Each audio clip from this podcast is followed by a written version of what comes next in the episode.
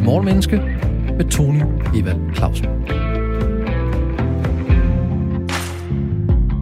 Vi skulle købe vores varer, og vi skulle købe deres olie og gas. Og nu skal vi ikke nogen af delene. Der var så meget, de ville passe på, de gamle venner, der er nye fjender. Dem, vi skulle handle med, hedder Rusland. De gamle venner, der blev nye fjender, hedder tidligere og nuværende medlemmer i Dansk Folkeparti. Og program, du lytter til, hedder Morgenmenneske. Programmets ambitiøse mål er at blive klogere på mennesker, psykologi og adfærd med udgangspunkt i noget, der skete i 2022. Vi har 25 minutter alle hverdage hele sommeren. 25 minutter til at udfordre antagelser, bekræfte fakta, belyse menneskets lyse afkroge og mørke kringelkroge. 25 minutter til at gøre det åbenlyse for vores gæst, lysende klar for os andre. Mikkel Thor, professor i idehistorie ved Aarhus Universitet og forfatter til Tænkepausen om fjendskab. Du har 25 minutter til at svare på spørgsmål, så både lytterne og jeg bliver klogere på fjendskab. Velkommen til. Bedste. Tak ja. skal du have. Og vi, jeg håber, vi kan slutte med at være gode venner. Ja, altså, må Vi starter jo der. Ja, lad os sige det. Lad os, lad os starte. Hvad er grundstenene i et godt fjendskab, Mikkel? ja, så jeg kan sige, hvad grundstenen i et intensivt fjendskab ja, tak. øh, det er. Og det er, kan man sige, det er der, hvor vi ikke bare er uenige, men hvor den andens eksistens simpelthen truer min væren i verden. Hvis du bliver ved med at eksistere, så kan jeg ikke lykkes med at være her i verden.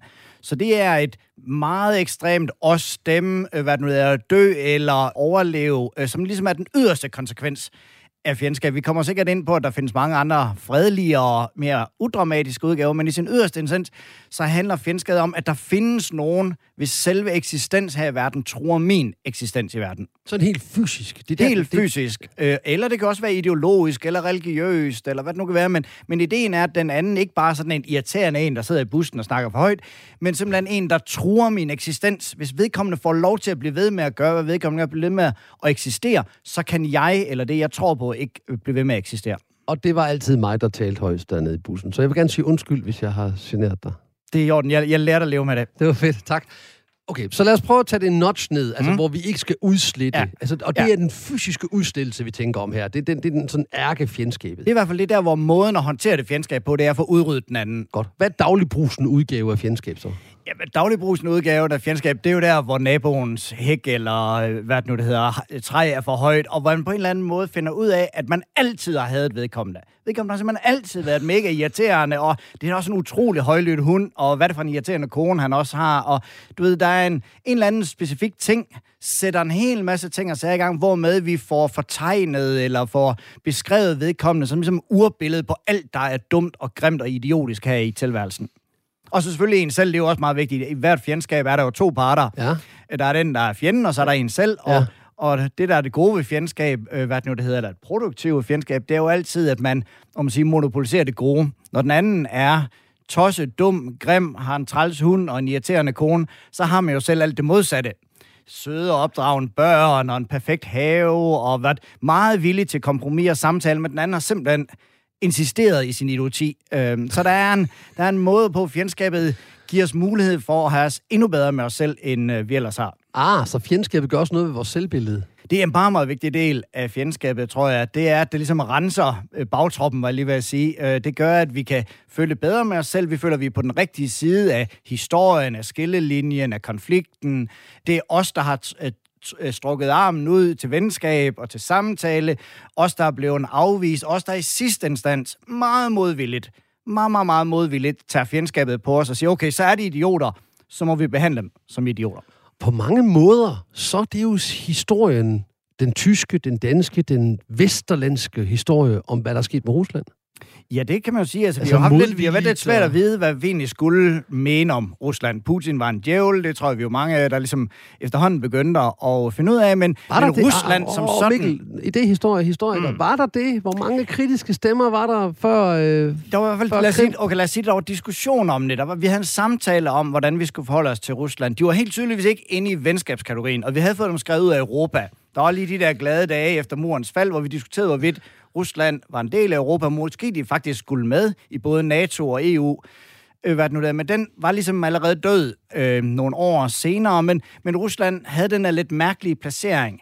De var måske en rival, konkurrent. Mm. Men svage. Men svage, og, og var, de, var de fjender som sådan? Det var måske en ikke lige helt der, vi var. De var sådan samarbejdende rivaler, eller tilforladelige øh, rivaler. Øh, og men det, som er jo tydeligt nu, og som er, er klart nu, det er jo, at vi har fået en helt anden form for relation, hvor vi nu må overveje muligheden af, at vi faktisk har en fjendskabsrelation til øh, Rusland langt ud i fremtiden, selv efter øh, krigen i Ukraine er slut. Der er sket en masse ting, der er sagt en masse ting, øh, hvad det nu det hedder, som bliver svære at rulle tilbage, når krigen i Ukraine øh, er slut. Er det også et, et fjendskabskarakteristika, at man laver nogle sådan ultimatum udtalelser, som er meget svære hjem, at hente hjem igen? Jamen, altså, hvis du må tillade mig et, et, et lidt langt svar på det, så, Ja, det- så hvad det der, øh, og ikke på 25 minutter, det lover jeg dig. Nej, men men en af de ting, jeg selv har tænkt meget over, det er, at der er en, den store tyske oplysning, så Immanuel Kant, han skriver en lille øh, skrift om øh, til den evige fred. Ja, vi synger lidt op ad åen ja. her, men, men det han siger en ting, og jeg skal nok gøre det kort, han siger en ting, der er mega vigtig. Han siger, at i en krig må man aldrig gøre noget, og han nævner han giftmor og den slags ting og sager, som gør det umuligt at blive venner senere. Så i konflikten, selv i den væbnede konflikt, selv i den drablige konflikt, skal der eksistere en eller anden form for relation, en eller anden form for begrænsning, som gør, at når vi er slået færdige, når vi har indgået en fred, så kan vi lægge fjendskabet bag os. Det kan godt, at vi ikke bliver bedste venner, og du ved, sådan skal omfavne hinanden altid, men vi skal have en relation. Vi skal handle med hinanden, vi skal samtale med hinanden, men det har et, som minimum en eller anden basal mindste grad af tillid. Og hvis man har forsøgt at snigemyrde sine modstandere, så er det måske svært bagefter at stole på hinanden. Så, så vi har i de der konflikter altid en idé om, at selv når vi slåsser, så er der ting og sager, vi holder igen med. Fordi at selv i den eksistentielle konflikt, der kommer der et tidspunkt bagefter, vi antager, at vi ikke alle sammen bliver udryddet, at atomkrigen ikke kommer, mm. og, det nu er, og vi på et tidspunkt skal gøre noget andet. Og lige nu synes jeg, en af de interessante og skræmmende ting ved Ukraine-konflikten, det er, at der ser ikke ud som om, der er mange, der planlægger for tiden efter. Øh, men tværtimod er vi i begge sider i gang med at installere nogle praksis og nogle måder at, at kigge på den anden på, som bliver svære hurtigt at afvikle. Jeg synes ikke, det var for langt et svar, og, og grunden til, at jeg lige dansede herover, det er fordi, at vi elsker Kant i, den her, i det her program. Han er svær at formidle, men, men øh, når Kant bliver sagt, så, så går det altid op. Det er et højt ligestal. Så det, vi bliver lige nede ved Mm, praktikaliteten her. Så jeg udfordrer dig før Mm. på, om vi nu hele tiden har tænkt, at de skulle være fjender, Ja, fordi ja. der sker Georgien, så Mm. sker der Krim, der Ja. sker øh, Snimor og alle mulige. snigmor og alle mulige, også herover. Ja, ja, ja. og, og det, jeg synes, der er rigtig interessant ved det, det var, at de snigmor, der blev lavet, blev lavet med sådan et, et fingeraftryk på. Ja, ja, altså, det, var ikke, sådan, ikke så skjult. det kunne ikke være svært at køre manden ned med en bus og sige, det var et uheld, men Ja. nej, vi skulle give ham noget polonium, som er mega svært at finde, eller en eller anden giftgas, som er produceret i Rusland, og alle ved, Ja. fordi det er ligesom måden at komme af med den her på. Så vores lytter her, vi snakker fjendskab, Mm. mm. jeg synes, det er mega sejt det her med, hvad, hvad er grundelementet? Du skal udryddes. Mm. Men det er jo ikke, altså, vi er Ruslands fjender, Mm. og fjender, og Rusland er vores fjender lige nu. Mm. Det er vi enige om. Men der er Ja. ikke nogen, der har den her bagdør, du snakkede om. Øh, ham, den øh, kinesiske filosof, som jeg ikke aldrig kan... Tong Su, tror jeg, han Mm. hedder. Jeg ved ikke, om det er rigtigt udtalt. Øh, han siger, at du skal altid give øh, din modstander en gylden bro, han kan Ja. trække sig, han kan trække Yes. sig ud af kampen på. Han Ja. skal have en, en åben mulighed for, så du kan stå fri for at tilgøre ham. Mm. Men det har vi kigget på lige nu. Mm. Så hvad er det, der gør, tror du, uden at du skal gøre sandhedsvidne på udenrigspolitik mm. eller, eller russisk historie, hvorfor opstår det her? Hvorfor opstår det her fjendebillede? Hvorfor er det, at vi oplever, jeg oplever, at Rusland er aggressiv mm. og er, er min fjende, Mm. som, og Tyskland modvilligt må erkende, at det er de. Hvad tror du, der er sket over i hovedet på, på russerne? Øh, ja, det, og det er, er gæt, og jeg ved godt, det er gæt. Jamen, altså, gættet er jo, at vi sidder her og snakker om, hvordan Rusland er aggressoren, og gættet, som jo ikke engang er et gæt, det er, at de sidder et eller andet sted i et øh, russisk morgen, øh, hvad det nu hedder, menneskeprogram her til sommeren, og snakker om, hvordan Vesten altid har angrebet øh, Rusland, hvordan de altid har forsøgt at stoppe øh, hvad nu er, Ruslands legitime interesser, hvordan de altid har snydt og bedraget omkring udvidelsen af NATO, og hvordan det, som foregår lige nu, er Ruslands legitime modsvar til en igangværende aggression fra Vesten. Så det er også en af de ting, som altid ligger i fjendskabet, og det er ikke for at sige, at at man ikke kan snakke om, at der er nogen, der har mere ret end andre, øh, hvad det nu er, men det ligger altid i fjendskabet, at de andre startede. Altså, at man altid selv svarer igen på en aggression over for de andre. At man altid er i forsvarsposition. Og det tror jeg, for at forstå, hvad Rusland er i gang med, hvordan Rusland tænker, hvis man synes, det er vigtigt, øh, hvad det nu det hedder, så, øh, hvad det nu det hedder, så tror jeg, man skal forstå, at det i mange russers optik, og måske endda også i Putins, det tør jeg ikke lide, så øh, meget øh, psykolog tør jeg ikke lege, øh, hvad det nu det er, der forstås det her som en selvforsvarshandling i en situation, hvor Rusland bliver mere og mere inddæmmet af en vest, at Vesten, som synes i ekspansionsiver, øh, og man har på en eller anden måde forsøger at modvirke det meget kluntet, meget voldeligt, øh, men ikke desto mindre ser det som en legitim ret at forsøge at opretholde sin eksistens, som jeg sagde indledningsvis, hvor man faktisk føler den truet. Jeg tror, man er nødt til at forstå, at russerne føler sig essentielt udfordret mm. af, øh, af Vesten. Og så er vi tilbage til dagligbrusens version, nemlig, jeg føler mig eksistentielt udfordret af min nabos hund, mm. eller skøre kone, eller måde at parkere på, mm. eller et eller andet ja. andet. Så fjender, fjendebilleder skabes ved hvad? Fremmedgørelse? Øh, hvad, hvad, hvad, hvad, skal, hvad skabes de her fjender? Hvad, hvad, hjælp os her. Hvordan skaber man fjendebilleder ind i sit hoved? altså en hurtig guide til, hvordan ja, man får lyst ja, til at ja, lave et, sådan en uh, lave guide et, lave et fjendebillede. Ja. Jamen altså, man har jo typisk set brug for øh, tre komponenter, eller tre øh, personer, ikke? Man har brug for øh, den perfekte fjende, og det perfekte offer, og så har man brug for sig selv. Øh, hvad det nu det hedder. Så den perfekte fjende er jo djævelsk og dæmonisk og ægel, øh, hvad det nu, umenneskelig, aggressoren, det er jo det vigtigste overhovedet.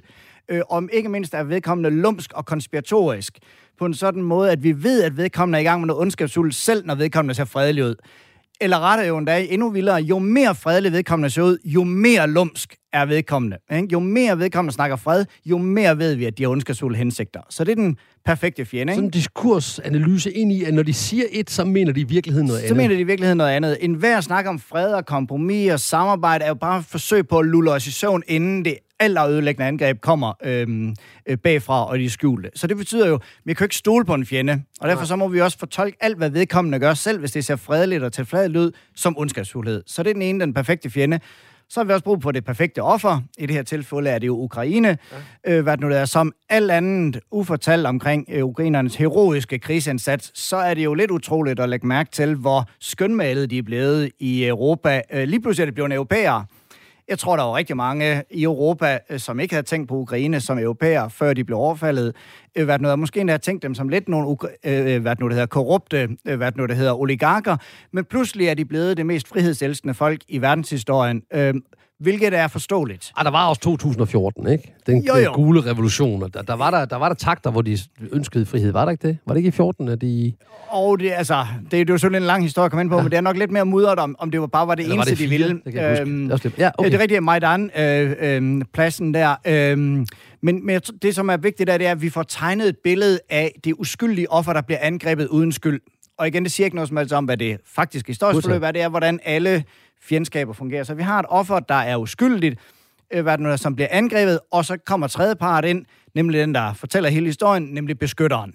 I det her tilfælde øh, Vesten, som rigtigt, øh, hvad det nu synes jeg helt personligt, øh, har en stor historie om, hvordan skal vi hjælpe, hvor meget skal vi hjælpe, hvordan skal hjælpen se ud, er det våben, er det flyveforbersugende, er det sanktioner, er det hjælp til flygtninge, hvordan er det, vi håndterer det. Men i vores ende af historien, den måde, hvor vi har konstrueret et fjendebillede på, der har vi den lumske, sataniske Putin, som sidder der med sit tredimensionelle skakbræt og i gang med alle mulige ondskabsfulde ting. Ikke? Vi har det frihedselskende Ukraine, og så har vi, at det i sidste ende er Vesten og Vestens våben, der skal redde den her konflikt, der skal redde russer, eller redde ukrainerne og straf øh, russerne. Og hjemme på, øh, på Villavejen, mm. så er det jo det samme, der sker. Øh, han spiller virkelig høj musik, øh, han klipper hækken alt for langt ned, og hans hund skier ofte ude i... Øh, ikke lige på min grund, men tæt på min grund. Meget så, tæt. Så børnene, de slipper det her lort ja. med over til, til, til mig. Ja. Og, han, og man kan altid genkende, at det er sgu naboens hund. Ikke? Ja, det er det, det og han er, så, han er så super flink. Han smiler og hilser. Ja. Det er bare noget, han gør, fordi mine børn skal finde sig i at se på hans grimme børn, når, når hækken er så lav, og høre på hans hund gø, og høre hans, øh, hans dårlige musik. Og og, og, og, og dem skal jeg beskytte imod ham. Ja. Faktisk altså, der, der er jo en forbindelse mellem sandkassen og storpolitik. Der er eller, ikke fordi det nødvendigvis er det samme, ikke, men, men det er dybest set det samme dynamik. Og sådan skaber fjendebilleder. Vi har brug ja. for, at jeg har, et, øh, jeg har en perfekt fjende, mm. der er lumsk og ulækker mm. og, og associeret til sådan, sådan vimmelse nærmest, kan Jamen, jeg høre helt klart. Ja. Jamen, det synes jeg helt, der er en helt klart æstetisk dimension i fjendskabet. Ja, og uskøn, altså asymmetriske øh, ansigtstræk, sådan, altså det ja, er også nemt at se. Sort hat og asymmetriske, et ar i ansigtet. Ja, ja, ar i ansigtet. Så vi kan vi. næsten ikke lade være med at lave de der fysiske fremtrædelser, ligesom sige noget om den indre, ja. den indre kerne, ikke? Um... Og så skal der være et perfekt offer, mm. altså nogen, der tydeligvis skal beskyttes. Ja, og så, så uden der... skyld og ansvar, og man heller ikke rigtig kan handle selv. Ja. De, skal, de, er, Passiv. de er der for at blive beskyttet. Ja, børn. Børn, øh, kvinder, ja. øh, hvad det nu der. Folk, der er du ved, er i gang med et legitimt ærne, og så bliver overfaldet. De passer bare deres De arbejde. passer bare deres arbejde, ja. de er bare på vej hjem for at ja. hente børn eller noget andet, og så bliver de overfaldet. Ja. De har et legitimt ærne, de er et fredeligt sted, øh, hvad nu er, der er ikke noget som helst, de kan påstås at have øh, i gang sat for at øh, starte konflikten. Og så er der mig, der beskytter. Så er der dig, der beskytter. Eller også, også historien om os. Så Ja. nu kommer der et andet og bedre spørgsmål. Nej, det ved jeg ikke, om det er bedre. Det er i hvert fald et spørgsmål, jeg glæder mig til svaret på. Hvorfor har vi brug for det? Hvorfor har vi brug for fjender? Jamen, altså, jeg tror, vi har brug for det i hvert fald af to grunde. Altså, den ene, det er jo, at det giver en øh, identitet. Det giver en klarhed. Du ved, det er mere usikkert, hvis man tænker, okay, der er faktisk der er et eller andet farligt på færre, men hvad fanden egentlig er? Hvem skal vi forsvare os mod? Hvor kommer truslen fra? Øh, er, det, øh, er det hende i bussen med, med tasken? Er det en bombe? Er det Putin? Er det øh, klimaforandringer? Der er sådan en hel masse usikkerhedsfaktorer i verden. Og der kommer fjendskabet ind og siger, det er ham der Pej åbne den der vej, hold øje med den der skiderik. Så det giver sådan en overskuelighed, øh, hvad det nu er, en sikkerhed, det giver nogle pejlemærkninger, mærker, og så gør det også noget andet, tror jeg, der er vigtigt, det er, at det sætter jo ting og sager i bevægelse. Vi bliver ekstremt kreative, vi gider rejse os op fra sofaen, øh, hvad nu vi går ned til, øh, til hvad nu det hedder, på torvet og hører øh, en russisk øh, hvad nu det hedder, præsident holde en tale, hvilket aldrig nogensinde var en dansker, der ville have Ukrainsk. rejst sig. Ukrainsk, Ukra- undskyld. Alt er godt. Øh, hvad det nu det hedder. Øh, altså, det får os i bevægelse på godt og ondt. Altså, det gør selvfølgelig, at vi går i krig, men det gør også, at vi opfinder radar, og vi tager til månen, og, øh, eller hvis det er sportsfolk, at vi øver hver eneste dag for at vinde over de der sataner, som bliver ved med at løbe hurtigere ind i en selv. Så det Og som giver... helt sikkert også tager nogle ulovlige stoffer. Selvfølgelig, de er jo nogle på. snydere, Det gør vi det ikke, ved vi jo godt, og så Det er det igen russerne. russiske idrætsfolk. ikke? Vi har altid vidst, de var nogle værre nogen. Øhm, men altså, det, det giver den der både den identitet, og så giver det noget bevægelse. Det giver en fokusering af noget energi, øh, hvad det nu hedder, som vi formodentlig har brug for. Vi har formodentligt, formodentligt har vi brug for en eller anden form for fjendskab eller forskel for os at forstå, hvem vi selv er. Vi er nødt til at lave en afgrænsning. Jeg er ikke sådan en som dem. Jeg er faktisk defineret ved at være det modsatte af dem. Det tror jeg er en del af den identitetsdannelse, som vi alle sammen fra, du ved, fra Ja, ja, ja, naboen ja. og op til storpolitik har brug for. Men så, så er der, og, og igen, du skal ikke stå være sandhedsviden på udenrigspolitik her. Men jeg kunne bare godt tænke mig, fordi det, der lige slår mig nu, det er efter murens fald, Mm. altså der i 90'erne der, Mm. mm. der var der jo sådan et vakuum. Hvem er vores fjende? Og så Mm. alle begyndte jo at drosle ned på militæret Ja. og tænke, Ja. der er jo ikke rigtig nogen fjender med, og Mhm. vi er i en fjendeløs jo. Så kan det være, Ja. at det er langt væk. Det er Iran, Irak, Afghanistan, men der var lige sådan et, et, et, et tomrum der. Det virkede som om, det virkede meget godt, at vi ikke havde nogen fjender. Ja, men jeg tror faktisk, at hvis man kigger tilbage, at det faktisk var et meget usikkert årti der i 90'erne. Det, det der er en, et af mine yndlingscitater fra en sovjetisk general til et afrustningsmøde efter murens fald. Altså det inden Sovjetunionen falder efter murens fald, der i 89-90, som siger øhm, til øh, de amerikanske forhandlere, vi vil gøre noget frygteligt ved jer. Vi vil tage jeres fjende fra jer. Ja. Og de, de amerikanere tænkte, "Åh, rend mig i røven, altså. Ja. Øh, vi, øh, det, det, altså hvad er det for vi, noget? vi, vi har ikke brug for fjender. Vi, Vi, skal har nok ikke brug klare for det der, vi skal nok klare sådan noget, men han havde jo fuldstændig ret. Altså, 90'erne var sådan et årti, hvor vi diskuterede alle mulige trusler. Er det global kriminalitet? Er, vi, nogen begynder at snakke om klimaforandringer. Er det terrorisme? Er det generel usikkerhed? Er det globalisering? Du ved, der var en hel masse ting at sige, og vi kan også se, som noget, jeg har brugt alt for lang tid i mit liv på, at kigge på sådan militære rapporter og militære strategiske dokumenter back in the day, øh, hvad det nu hedder. Og der i 90'erne, der snakkede de igen og igen om, vi står i usikre tider usikre tider, dels fordi, at militæret blev nedskåret, det var mega Der var irriterende, ikke? Altså, vi mangler nogle gode, øh, hvad det nu det hedder, øh, øh, profitintensive fjender, øh, hvad det nu hedder, men også fordi, at det var svært at vide, hvad for en form for militær skal vi have? Hvad for en form for trusselsbillede er der? Hvor skal vi kigge hen? Og derfor så, hvis tillade her, lad os håbe, der er ikke rigtig nogen, der hører efter, men lad os tillade en lille øh, voldsom bemærkning her. Altså på den måde var der også mange, der drog lettelsen sugt efter 11. september, ikke? Fordi nu var der sat navn og ansigt og retning på fjenden. Det er ikke noget med ikke sagt, at det ikke var forfærdeligt, og der er en hel masse ting, man kan diskutere det, men der var en singularisering, der blev pludselig en orientering. Nu er det den globale krig mod terror. Det var den store eksistentielle udfordring. Så den, det sluttede ligesom 90'erne, men det sluttede, øh, hvad, der sluttede den kolde krig sådan for alvor. Ja.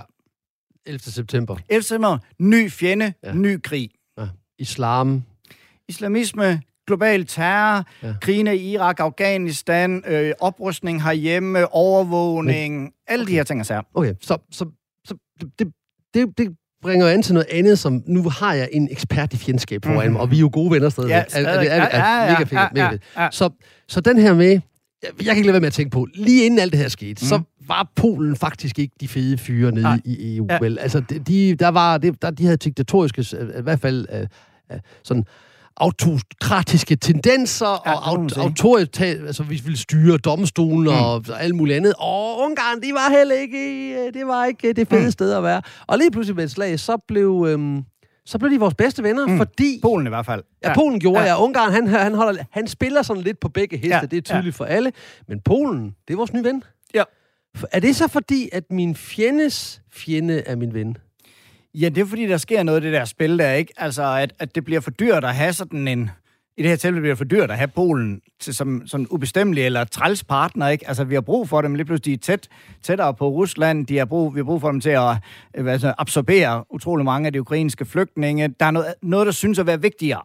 Ikke? Så den konflikt, som lå internt i Europa om, hvad, hvad det europæiske fællesskab hovedet vil sige, er ligesom blevet flyttet over til det europæiske fællesskab vil nu sige intensiteten i din hjælp til Ukraine snarere end retsstatsprincipper og den slags ting, som nok skal vende tilbage, men, men det bliver ligesom suspenderet ja. nu. Og det ser vi i de fleste konflikter, at man lige pludselig kommer jeg vil sige, i seng med nogle lidt mærkelige typer, øh, hvad det nu er, når man har behov for at, øh, at slås, så kan man ikke ligesom vælge sine partnere, vel? Altså må man vælge nogen, der er, som en eller anden amerikansk militæranalytiker engang sagde, ikke? Det kan godt være, at han er en bastard, men han er Han- vores han er bastard. vores bastard, Ikke? ja. Og det, det er sådan nogen, har man brug for. Ja. Øhm, Om Orte, og, og, og, hvad hedder han, Orte, Ortega nede i, øh, i Mellemamerika. Der, he, he might be a dictator, but he's our dictator. Ja, man kan leve med meget, hvis man har en større fjende. Vi har to minutter.